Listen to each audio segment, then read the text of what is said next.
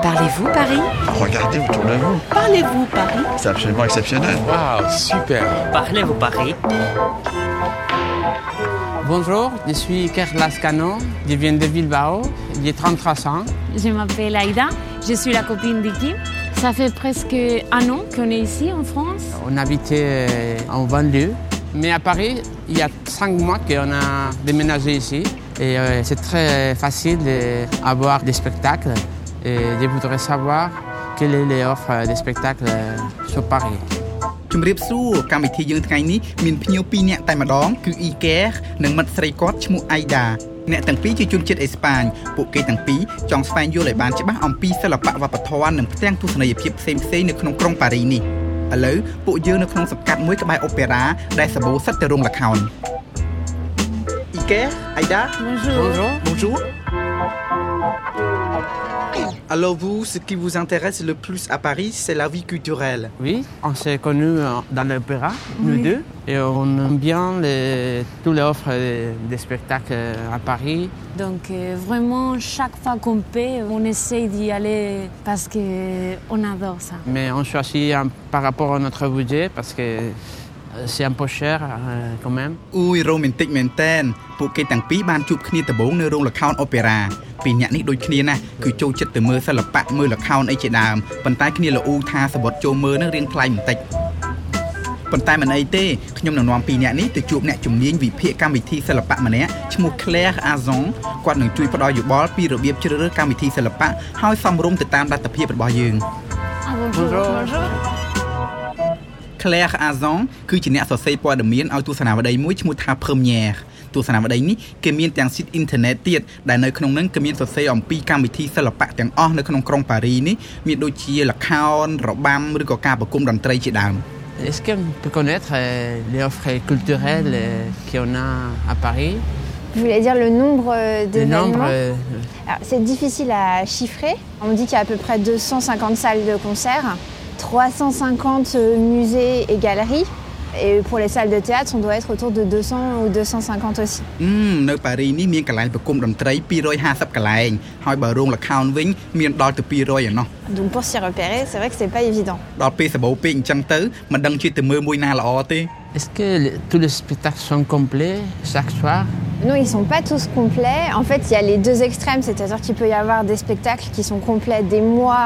voire euh, parfois euh, un an quasiment à l'avance. Et il y en a qui vont galérer chaque soir euh, pour euh, remplir la salle parce que c'est des petits théâtres et où il n'y a pas eu de communication.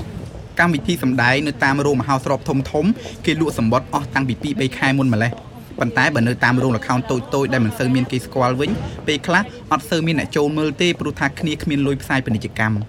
Les spectacles qui sont euh, les plus difficiles euh, à réserver, en général, c'est soit ceux où il y a des grosses têtes d'affiche, donc euh, un acteur très connu, euh, un groupe euh, américain qui vient rarement en France, des choses comme ça. Ça peut être aussi des spectacles très pointus, par exemple. au théâtre de la ville à Paris, il y a beaucoup de chorégraphes contemporains qui viennent pour trois jours.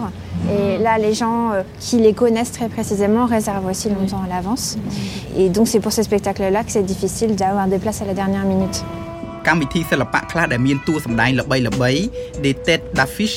ឬក៏ក្រុមល្បីណាមួយមកពីបរទេសដែលគេមកសម្ដែងតែ2 3ថ្ងៃនៅប៉ារីនេះតាមធម្មតាពេញពេញមិនងាយរកសវត្តចូលមើលបានទេ Est-ce qu'à ton avis, on peut trouver aussi des spectacles pour des petits budgets Alors, les spectacles à petit budget, c'est pas tellement le terme, c'est plus que si tu vas dans une grande salle avec un gros spectacle, une grosse tête d'affiche, ça sera plus cher que si tu vas dans un petit théâtre euh, moins connu. En fait, la meilleure façon d'avoir des places euh, à des tarifs intéressants, c'est de passer par certains sites qui sont spécialisés dans les réductions. Il y en a un qui s'appelle Billet Réduc et l'autre euh, qui s'appelle Ticket Tac. Celui-ci, ouais, on Voilà. connaît. បើយើងមានថវិកាស្រួយស្ដើងអាង Petit Budget វិធីដែលល្អគឺយើងគួរទៅទិញសំបុត្រនៅតាមអ៊ីនធឺណិតដែលគេលក់សំបុត្របញ្ចុះតម្លៃដូចជា site Billet Réduc, Théâtre Online ឬក៏ Ticket Tac ជាដើម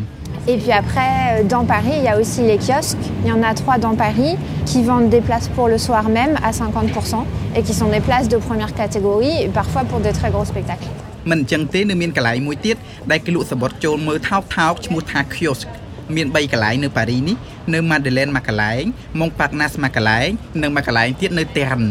កន្លែងហ្នឹងគេលក់សំបុត្រសម្រាប់ចូលមើលពេលល្ងាចភ្លាមភ្លាមតែម្ដងក្នុងតម្លៃថោកមួយជា2 à moitié prix Mais dans ces cas-là, il suffit d'aller au kiosque